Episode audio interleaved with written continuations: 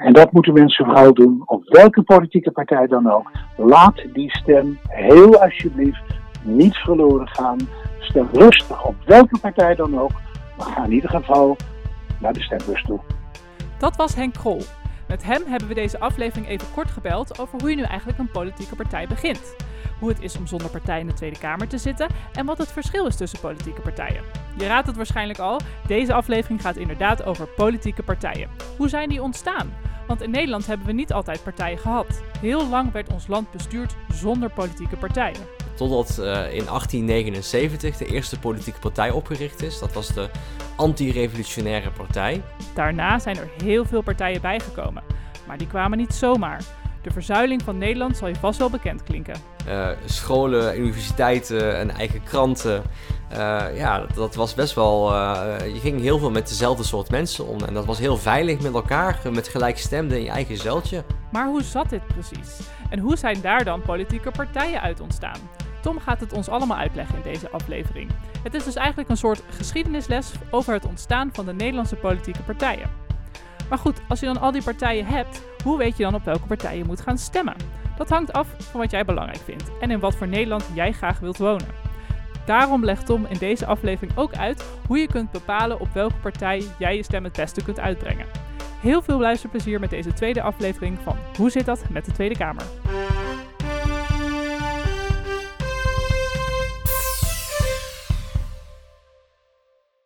Hey Tom, daar zijn we weer. Ja. Aflevering 2 over politieke partijen. Ja, alle, alle 13. Alle 13, ja. Hey Tom, uh, om gewoon maar eens bij het begin te beginnen. Hoe, hoe, hoe zijn we met zoveel partijen gekomen in Nederland? Nou ja, Nederland uh, had uh, vroeger geen politieke partijen. Dus eigenlijk, als je kijkt naar de Tweede Kamer, die bestaat sinds 1815. Dus een paar jaar geleden heeft de Tweede Kamer ook een 200-jarig bestaan gevierd. En toen zaten er in de Tweede Kamer mensen die op individuele basis gekozen werden, omdat mensen hun ideeën goed vonden. Uh, dus dat waren dan, uh, ik ben een beetje liberaal, of ik ben religieus, of ik ben wat conservatief.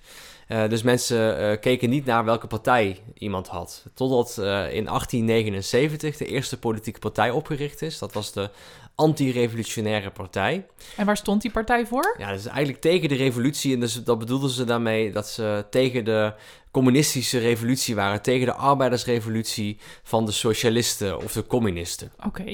Dus uh, dat was een conservatieve partij, opgericht door Abraham Kuyper. En dat was een, een protestants-christelijke man die ook de Vrije Universiteit in Amsterdam opgericht heeft. Ook wat tijdschriften en kranten.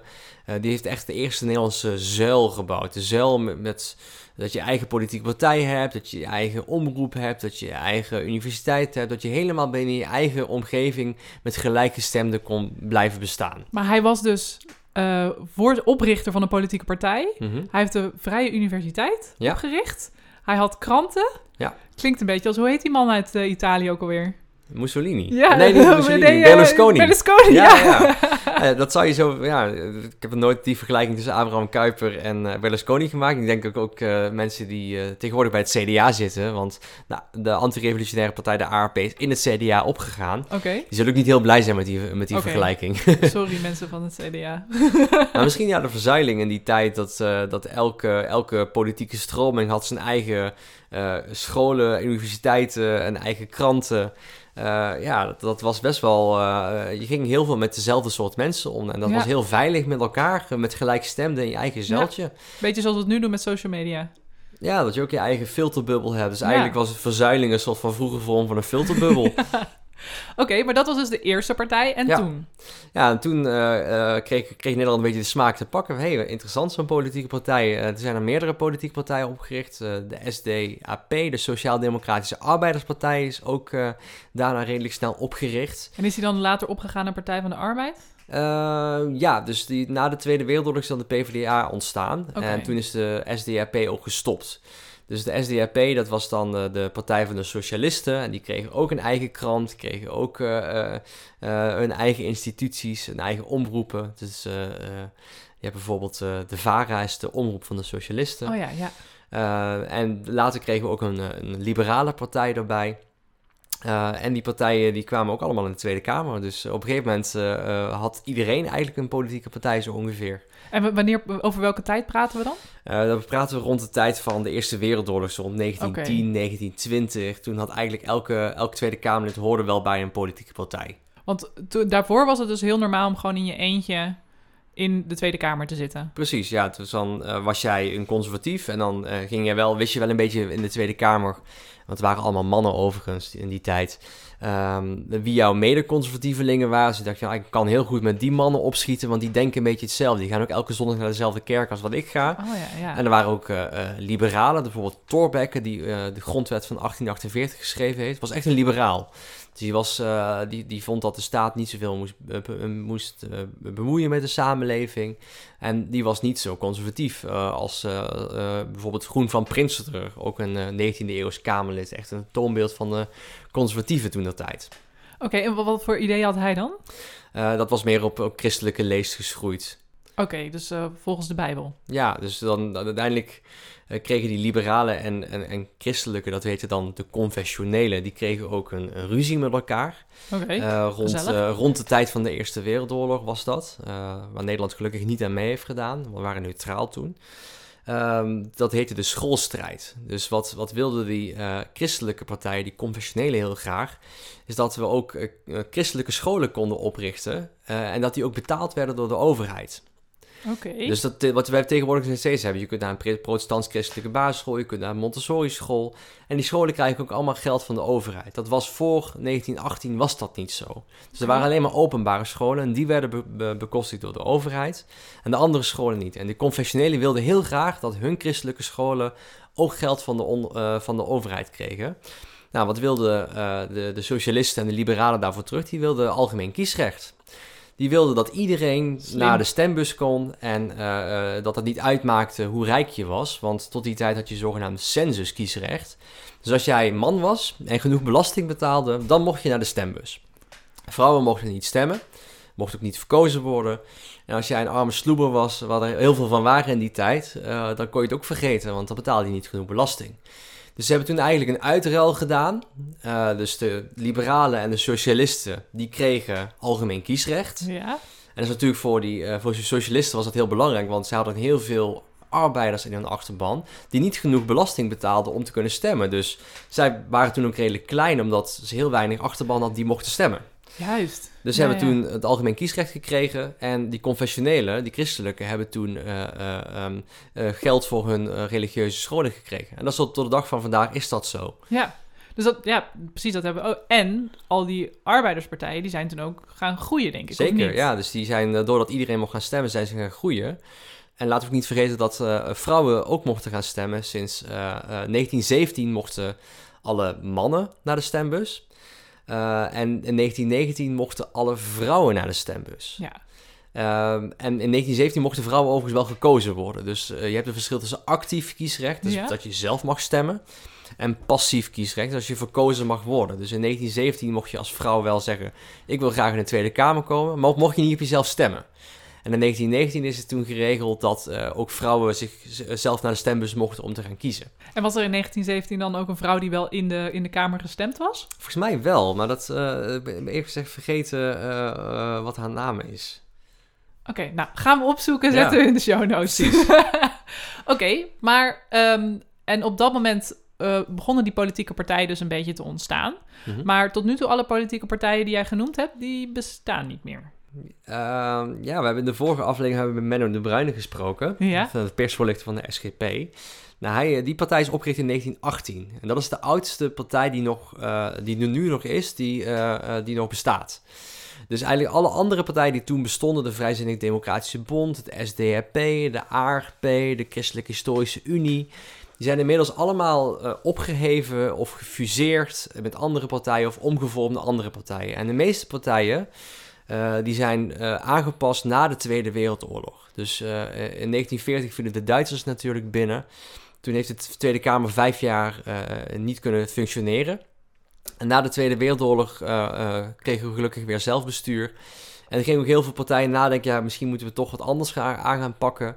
de SDAP is toen de PvdA geworden.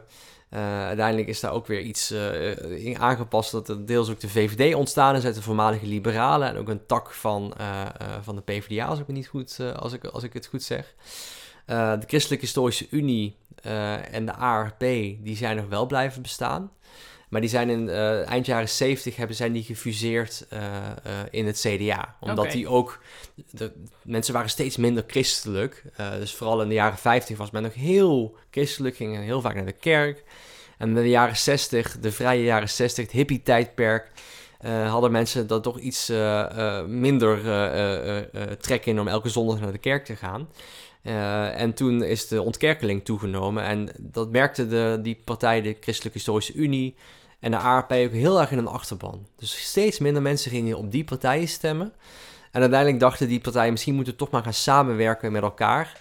Uh, en moeten we uh, het CDA gaan vormen. Dus het CDA is toen in 1980, hebben ze voor het eerst meegedaan, als ik het goed zeg. En met Dries van Acht ook als hun, hun premier die zij toen geleverd hebben. En daarna Ruud Lubbers. Dus dat was een goede zet, want als je een premier kan leveren, dan heb je volgens mij veel stemmen gehad. Ja, dus Ruud Lubbers heeft het heel goed gedaan. Dries van Acht heeft het ook heel goed gedaan. Dus Ruud Lubbers was van, van begin, begin jaren 80 tot begin jaren 90 was hij onze premier. Uh, en eigenlijk voor het eerst uh, dat een christelijke partij niet in de regering zat, niet in de coalitie zat, was in 1994. Uh, toen de Paarse coalitie aan de macht kwam. Dat is een coalitie tussen PvdA, D66 en de VVD. Oké, ja, daar hoor je veel over, over, over, over kabinet Paars. Ja. Of tenminste, dat zegt misschien wat over hoe oud ik ben. Ik ben 30. Ja, ik, ben, ik ben, ik ben 31, ik ben geboren in 1989. Dus mijn eerste premier die ik me goed kan herinneren was Wim Kok. Ja, ik ook. Ja. En dat was de, de premier van de, tweede, de eerste en de tweede kabinet Paars tot uh, 2002. Ja, en want al die moderne, of nou, zo noem ik ze dan even, de moderne partijen, dus de partijen die we nu kennen, dus mm -hmm. de, de VVD, uh, D66, Partij van de Arbeid, GroenLinks, die zijn dus allemaal pas veel later ontstaan dan ja, ik jouw dus, verhaal uh, de PvdA en uh, de VVD zijn in, dus in de jaren 40 opgericht, dus na de Tweede Wereldoorlog. D66 is opgericht in de jaren 60, ja 1966, ja, dat, obvious vanuit de naam. Uh, GroenLinks is ook weer een fusiepartij. Uh, die is samengevoegd vanuit de Evangelische Partij, uh, de politieke partij Radicalen, die ook in de jaren 60 opgericht is, en de Communistische Partij Nederland. Oh, dat is een kleurrijk clubje dan. Ja, precies. Die zijn in de jaren 90 of de eind jaren 80 volgens mij samengegaan in GroenLinks, omdat zij ook merkten dat er steeds minder mensen op de communisten stemden en steeds minder mensen op de politieke partij Radicalen stemden. Dus zij zijn uit nood geboren ook met elkaar samengevoegd uh, en zijn dus GroenLinks ge geworden. Ja. Um, Partij voor de Dieren is uh, volgens mij in 2005 opgericht. Ja, dat, dat voelt voor mij als echt een hele nieuwe partij. Ja, is ook een, een relatief nieuwe partij inderdaad. Maar hij is inmiddels toch al uh, een stuk of 15 jaar oud. Ja, dat gaat ook snel eigenlijk, hè? En partijen als, uh, als uh, PVV en Forum voor Democratie? Ja, Forum voor Democratie is, uh, is maar een aantal jaar oud. Die is dus opgericht als eerst als denktank. En die hebben dat Oekraïne-referendum toen helpen opzetten... tegen dat associatieverdrag met, met Oekraïne. Tussen de Europese Unie en Oekraïne. dus die doen, zitten nu voor de eerste keer in de Tweede Kamer... sinds okay. 2017 met twee zetels... Um, en de PVV is opgericht door, door Geert Wilders. Die zat eerst bij de VVD, ja? maar heeft knallende ruzie gekregen met de VVD over immigratie. En is toen eigenlijk uh, zijn eigen PVV begonnen. Ik meen dat het dan in 2006 was. Maar dus dat is ook al best wel lang. Ja, dus Geert Wilders is een van de langstzittende Kamerleden op dit moment. Oh, die, echt? zit, dus al, die zat daarvoor nog bij de VVD in de Tweede Kamer. Die zit denk ik rond de 20 jaar in de Tweede Kamer nu. Oh, wauw. Dus dat, maar dat is best een prestatie volgens mij om zo lang in de Kamer te blijven ja, zitten. klopt. Dat is, ja. uh, dat is uniek. Dat uh, zie je niet zoveel meer. Uh, volgens mij Kees van der Staaij van de SGP zit ook al ongeveer zo'n zo'n periode in de Tweede Kamer. Maar ja. tegenwoordig zie je dat de meeste Kamerleden toch één of twee periodes, dus acht jaar in de Tweede Kamer zitten. En langer dan dat, ehm, dat, dat komt steeds minder voor. Vroeger was dat heel normaal. Zaten mensen misschien wel 20, 30 jaar in de Tweede Kamer. Een hele carrière was dat. Ja, tegenwoordig zie je dat mensen toch wel echt stoppen na vier tot acht jaar. Ja, precies. Daar gaan we het in de volgende aflevering over hebben, over wat Mhm. een Tweede Kamerlid precies ja. doet. Um, maar op dit moment, zei je, hebben we 13 partijen. Ja, klopt. Waarom zoveel? Want het voelt als veel. Zeker als je dan naar Amerika kijkt bijvoorbeeld. Goeie Daar hebben ze er maar twee. Ja. Klopt, uh, in Amerika hebben ze er twee. En in het Verenigd Koninkrijk hebben ze er ook uh, minder dan uh, vijf of zes die in de House of Commons zitten. Dus hun, hun Tweede Kamer. En dat komt eigenlijk door ons kiesstelsel. Dus wij hebben met een moeilijk woord, dat heet uh, proportionele representatie. Oké, ik ben het nu alweer vergeten. Wat ja, is het? nee, klopt. dat, ik zal het even uitleggen. Dus uh, stel je voor, heel Nederland mag naar de stembus en 10% van de mensen in Nederland stemt op GroenLinks. Nou, dan krijgt GroenLinks ook 10% van alle zetels in de Tweede Kamer, dus 15 zetels. Oké. Uh, dus dat is, dat is heel, uh, ja, het klopt precies met hoeveel procent mensen stemmen, hoeveel zetels ja. ze krijgen.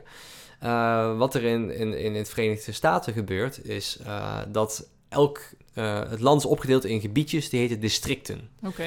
En per district kan een, kan een Amerikaan één persoon naar het Huis van Afgevaardigden sturen. Dus dat betekent dat meestal alleen de grote partijen, die, die zijn in staat om genoeg stemmen te krijgen om in zo'n district te winnen. Dus het kan zijn dat er misschien ja, vier kandidaten in een district meedoen, want je, in Amerika hebt, je hebt in Amerika wel meer partijen, zoals de Green Party en uh, misschien ook wel de Liberal Party of zo. Uh, maar alleen de Democraten en de Republikeinen zijn vaak in staat om een meerderheid van het aantal stemmen te krijgen. Om uiteindelijk verkozen te worden het Huis van Afgevaardigden. Dus hun, hun systeem met districten zorgt ervoor dat het veel moeilijker is om als kleine partij ertussen te komen. Dus stel je voor dat, dat een partij in heel de Verenigde Staten 10% van de stemmen krijgt. Dan kan het zijn dat ze, dat ze geen enkele persoon in het Huis van Afgevaardigden krijgen. Omdat ze in geen enkel district genoeg stemmen krijgen. Oké, okay, dat is best uh, naar.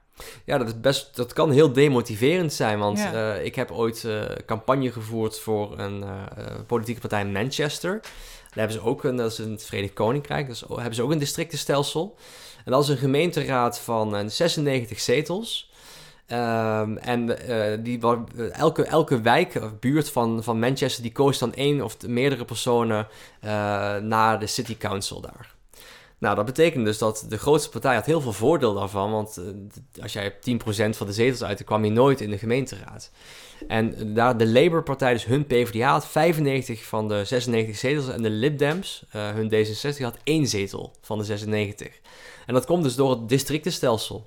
En stel je voor, jij woont in een district waar, uh, waar Labour 70% van de stemmen haalt, altijd. En jij bent geen Labour-stemmer. Dan weet je dus eigenlijk, ja, wat heeft het nou voor zin om, voor mij om ja. te gaan stemmen? Want ik win toch nooit. Want ik woon in een omgeving waar iedereen Labour stemt. En dan, dan je stem wordt feitelijk ook weggegooid. Ja.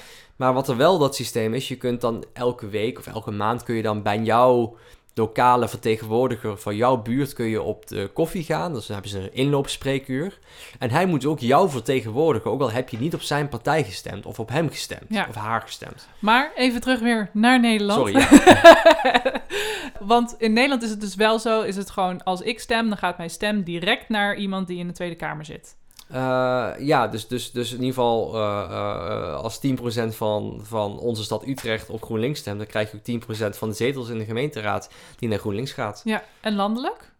landelijk is hetzelfde, ja. Dus als, als GroenLinks 10% van het totaal aantal stemmen van heel Nederland krijgt, dan is dat ook het aantal zetels. Wat, aantal zetels wat in ja. de Tweede Kamer komt. En daardoor is het dus super makkelijk. Je hoeft dus maar uh, feitelijk één zetel, een, ja, een 150ste stem te halen ja. van, van de populatie hoef je te stemmen. Uh, en dan heb je al één zetel, dus jij kunt uh, dan heel makkelijk in de Tweede Kamer komen. Dus zo zijn alle kleine partijen bijna ooit begonnen. De SGP, die heeft altijd twee of drie zetels gehad. En die, die zou in, in elk ander land, zoals met een districtenstelsel, zou zij niet kunnen bestaan. Nee.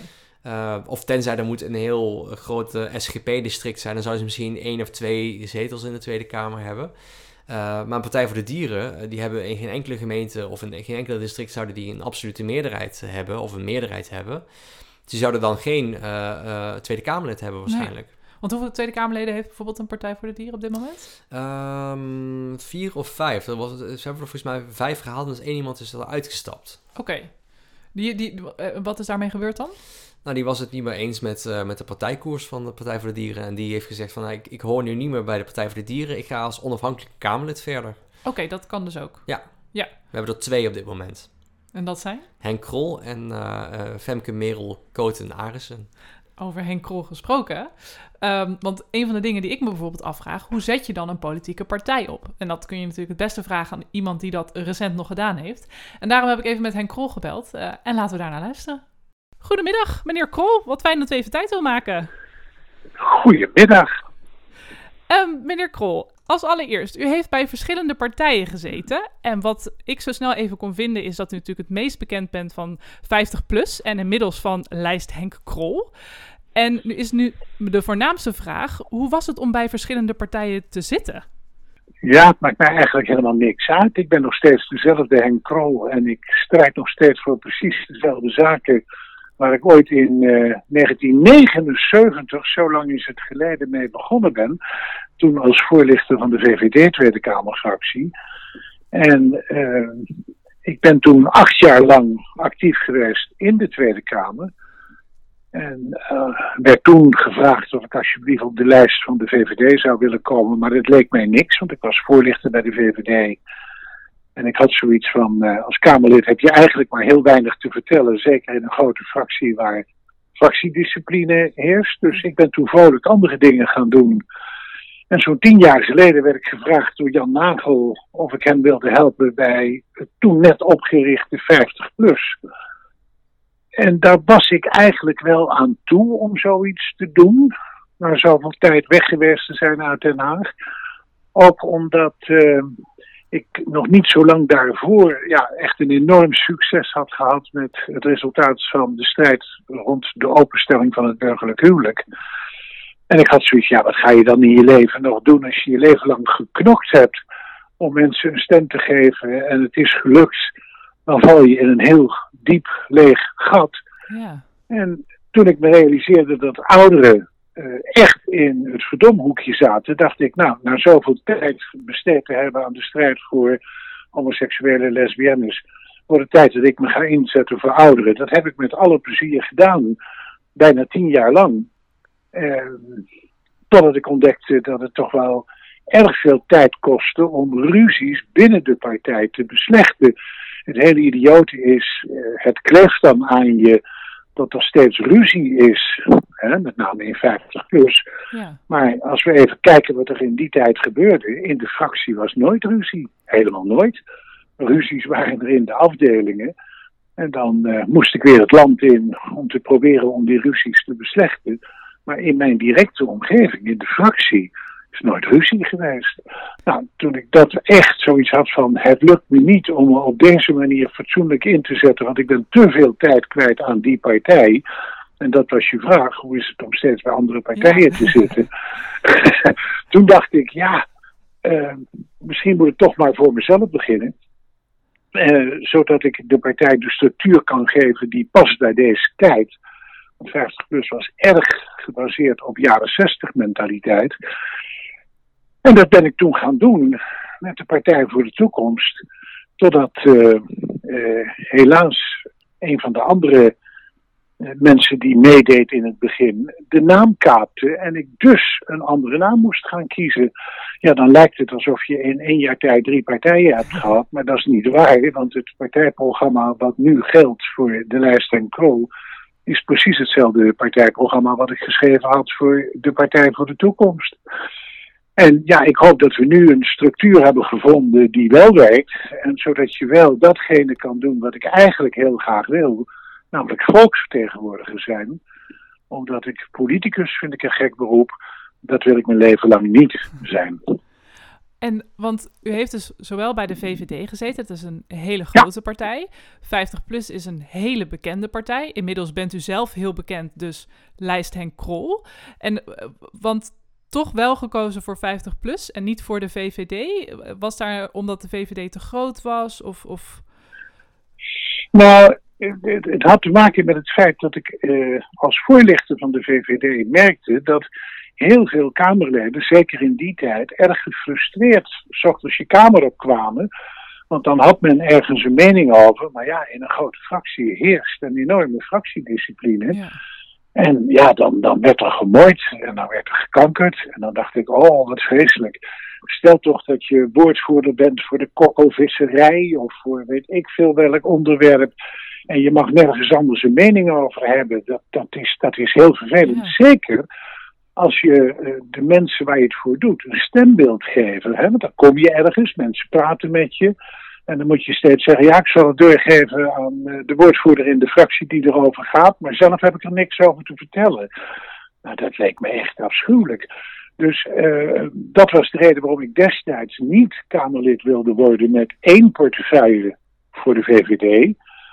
En dat ik vele jaren later, toen Jan Nagel mij vroeg of ik wel iets wilde doen voor 50 plus, en dat ik daar lijsttrekker kon worden, want dat werd aan me gevraagd, dacht ik, ja, ho, wacht even. Dan mag je met een heleboel onderwerpen bezig zijn. En dat lijkt me veel leuker. Nou, dat is ook de reden waarom ik me daar een stuk uh, meer op mijn gemak voelde dan wanneer ik individueel Kamerlid bij de VVD zou zijn geweest. Maar aan mijn gedachten over hoe je dingen zou moeten regelen, hoe je dingen zou moeten doen, is eigenlijk vanaf 1979 tot aan vandaag nooit iets veranderd. Ja, ja het klinkt inderdaad alsof u heel trouw bent. U heeft ook nou, tien jaar lang 50 plus gedaan. Dus ja. was het... En dat is nog steeds heel hard nodig. Hè? Ik ben nog steeds een groot voorstander van een partij die voor die groep opkomt. Alleen de naam suggereert alsof je dan alleen knopt ja. voor mensen van een zekere leeftijd. Terwijl, en dat was het leuke, elke donderdag ontving ik middelbare scholieren in het gebouw van de Tweede Kamer. En die moesten de dag van tevoren de kieswijzer invullen. En dat deden ze braaf. En dan tot hilariteit van de klas kwam altijd een behoorlijk percentage uit op 50 plus. Ja, dat is lachen, gieren, brullen. Dat kan natuurlijk niet als je die leeftijd hebt en je komt uit op 50 plus. Maar eh, ja, feit is dat ouders en grootouders het altijd goed voor hebben met hun kinderen en kleinkinderen. Alleen die naam suggereert iets anders. En dat vind ik leuk dat ik nu, met het partijprogramma wat we nu hebben, wat en goed is voor ouderen en voor jongeren, dat ik datgene kan doen waarvan ik denk dat er echt behoefte aan zou zijn. Het volk vertegenwoordigen. Ja, dat is wat ik heel graag wil zijn. Dat heb ik natuurlijk gedaan in de tijd dat ik actief was voor uh, de emancipatie van homoseksuelen en lesbiennes. Dat ik merkte, want vergis je niet, in de tijd dat ik daarmee begon, was het met de homo-emancipatie in Nederland heel slecht gesteld. Ja. En nou ja, we zijn toch zover gekomen dat we in Nederland als eerste land ter wereld, let op, over een maand is het zover, op 1 april 2001 is twintig jaar geleden dat het huwelijk werd opengesteld voor het eerst ter wereld in Nederland. En dat is daarna uitgegroeid in mijn ogen tot ons mooiste immateriële exportproduct. Dus ja, daar ben ik apen trots op dat, dat ik dat heb kunnen uh, meerealiseren. Uh, ja, en dat is wat, wat door mijn grootouders al aan mij is doorgegeven. Het is leuk om mensen die dat zelf niet kunnen een stem te geven. Dat vind ik leuk om te doen. Lijkt me heel waardevol, inderdaad. En dan na tien jaar, toen zat u toch zonder partij in de Tweede Kamer. Hoe is dat om zonder een politieke partij in de Tweede Kamer te zitten? Ja, het hele gekke is dat ons systeem, maar uh, ja, je hebt een grote deskundige daarbij je. Ons systeem is, is eigenlijk heel gek. Aan de ene kant uh, kennen wij politieke partijen staatsrechtelijk nauwelijks. En aan de andere kant zijn ze heel belangrijk dat is, dat, dat, is een beetje gek geregeld in Nederland. Mensen worden ook meestal verkozen via een, een, politieke partij, die zorgen dat je op de lijst komt. Maar als je eenmaal gekozen bent, zit je daar als individueel een onafhankelijk Kamerlid. Je kunt je dus ook heel makkelijk weer losmaken van zo'n partij. Dat snappen dan heel veel uh, kiezers niet. En dat is iets waar we in de toekomst misschien ook nog eens naar moeten kijken. Want uh, ja, mensen die voldoende voorkeurstemmen hebben, die hebben aangetoond dat ze de legitimiteit hebben om mensen in de Kamer te vertegenwoordigen. Er zitten mensen in de Kamer die nauwelijks voorkeurstemmen hebben gehad. En die hebben hetzelfde recht als iemand die 20, 30, 100.000 voorkeurstemmen heeft gehaald. Dat, dat, dat is toch een beetje gek, daar wringt het. Ik heb ook niet de oplossing kant en klaar. Maar dat is wel iets waar we met z'n allen eens over moeten nadenken.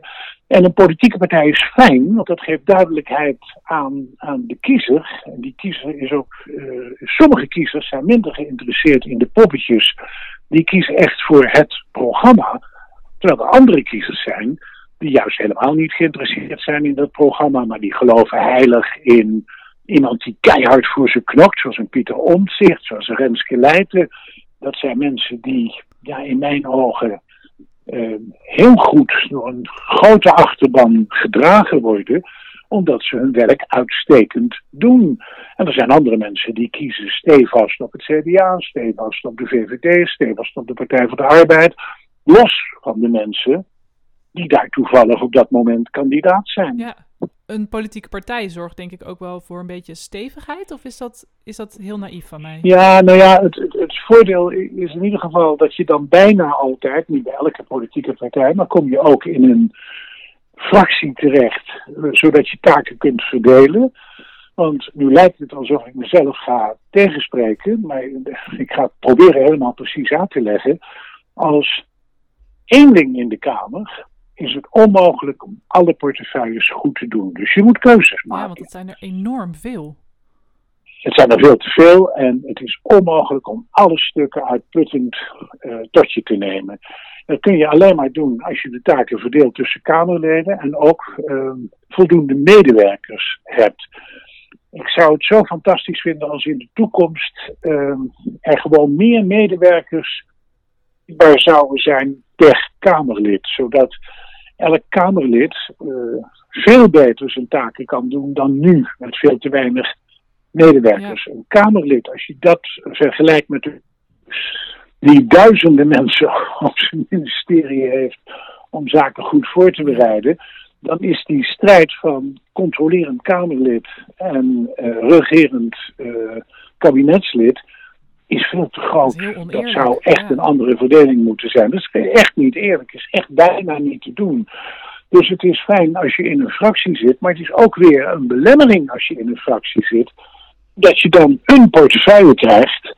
En in heel veel fracties geldt dan nog steeds dat dat hetgene is waar je iets over mag zeggen. De rest moet je vooral je mond over dicht houden. Nou, iemand die echt volksvertegenwoordiger is, weer heel lastig. Want die komt in de trein, op de markt, in zijn directe omgeving mensen tegen met een probleem. Net nog, ik, ik was onderweg naar Groningen toe en onderweg werd ik opgebeld door mensen die echt in de problemen zitten. Nou, als eenmansfractie kan je dan proberen je daar echt voor in te zetten. Te zeggen, ik neem het op. Maar zit je in een grotere fractie, dan moet je dus zeggen, ja, uh, boeiend probleem en ik snap wat u bedoelt. Maar ik moet dat gaan bespreken ja. met een collega van mij, want die gaat erover. Weet je, het heeft allebei voor- en nadelen. Ja, en heel praktisch, want nu heeft u een eigen partij gestart, maar hoe, hoe, start, hoe start je een eigen partij? Kan dat zomaar of zijn er toch bepaalde eisen waar iemand aan moet voldoen?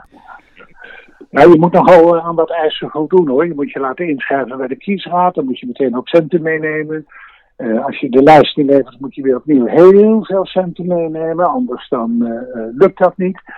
Uh, je moet ondersteuningsverklaringen bij elkaar zien te krijgen. Daar heb je normaal gesproken twee weken, maar nu in de coronatijd hebben we iets meer tijd gekregen. Heb je vier weken de tijd om in 20 kiesdistricten steeds 30, maar liefst 35 handtekeningen te verzamelen. Want als er één of twee worden afgekeurd, dan heb je aan 30 net niet genoeg.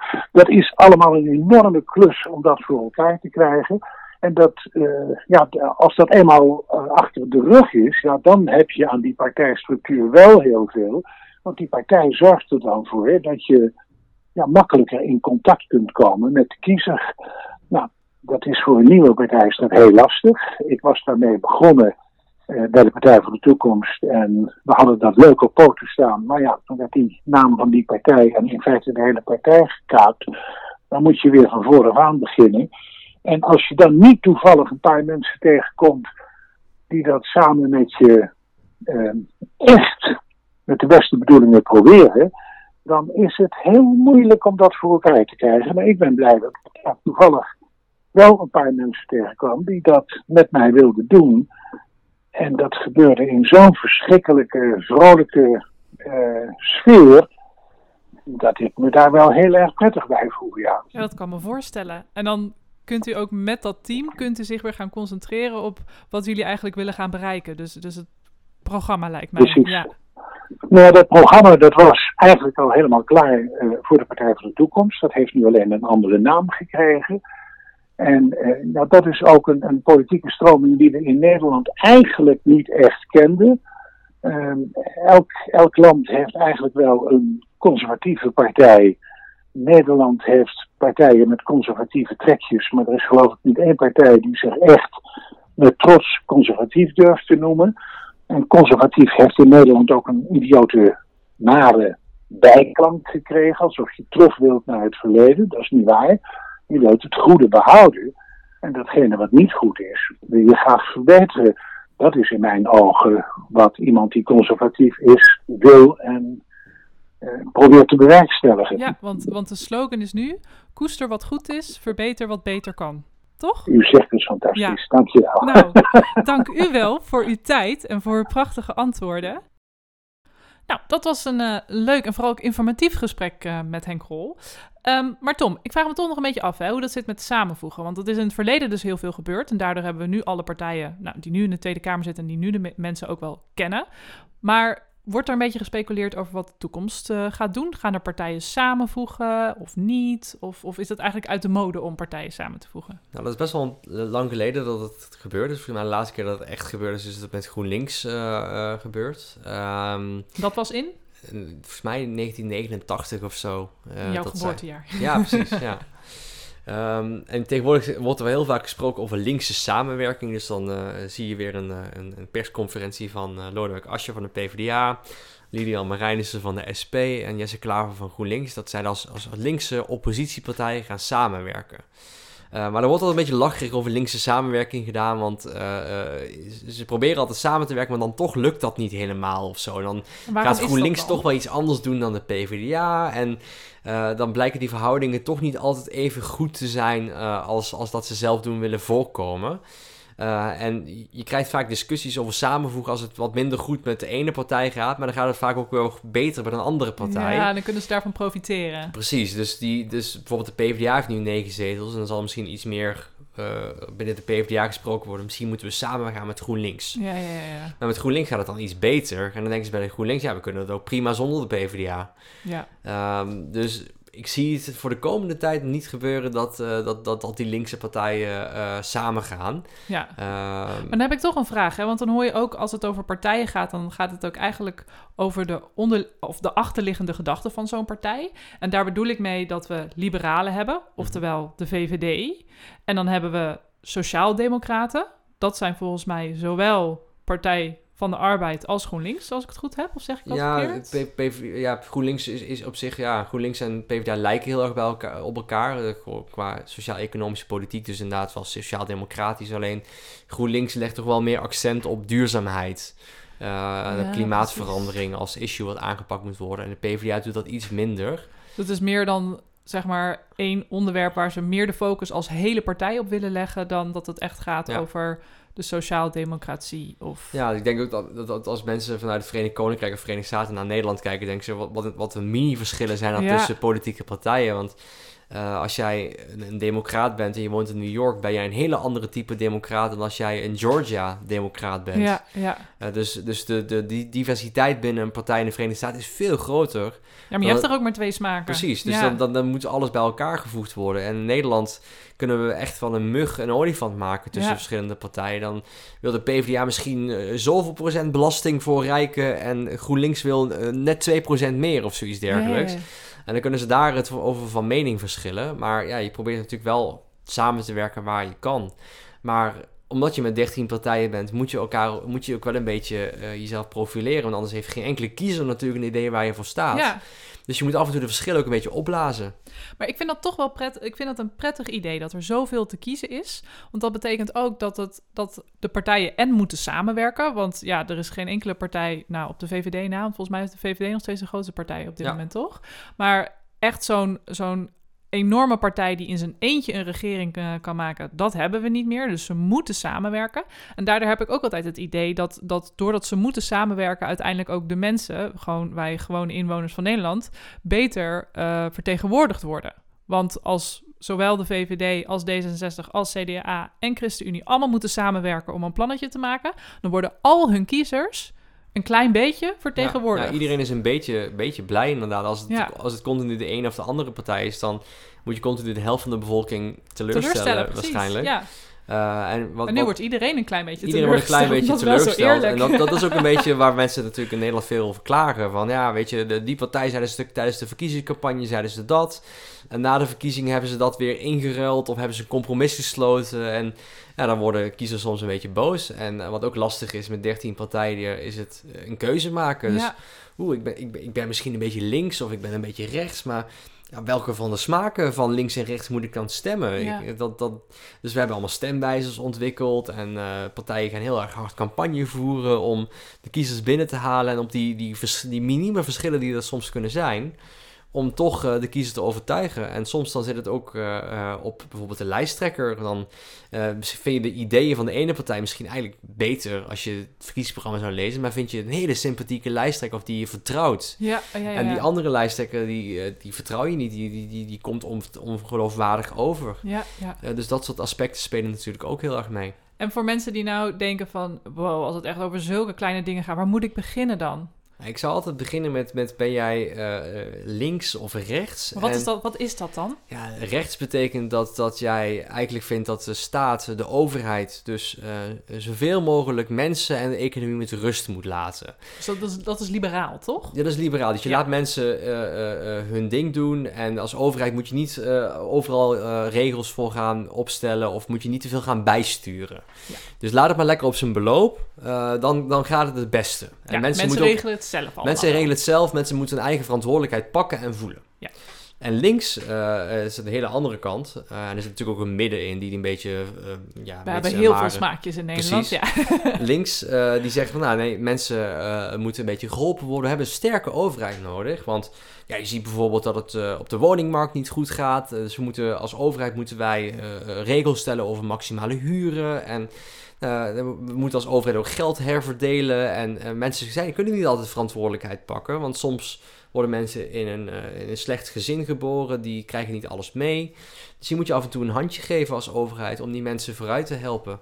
Ja. Eh, dus, Dus, dan is is eigenlijk de vraag aan jou van, vind jij dat de overheid juist heel veel moet doen voor de Ja. bevolking? Dus ook eh, veel moet zorgen voor de bevolking, dus veel eh, geld aan de bevolking geven en dus ook veel regels? Of vind je juist dat mensen het zelf moeten doen en dat de overheid zich zo min mogelijk moet bemoeien met, Precies. met jou?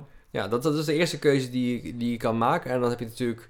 De SP is, is heel erg links. En, Ja. en, en, en aan, de, rechterkant heb je Forum voor Democratie en PVV. Die zijn, die zijn best wel rechts. Ja. De VVD is ook best wel rechts. En dan zitten tussen CDA en de D66. Dat zijn meer middenpartijen die van allebei een beetje wat hebben. Ja.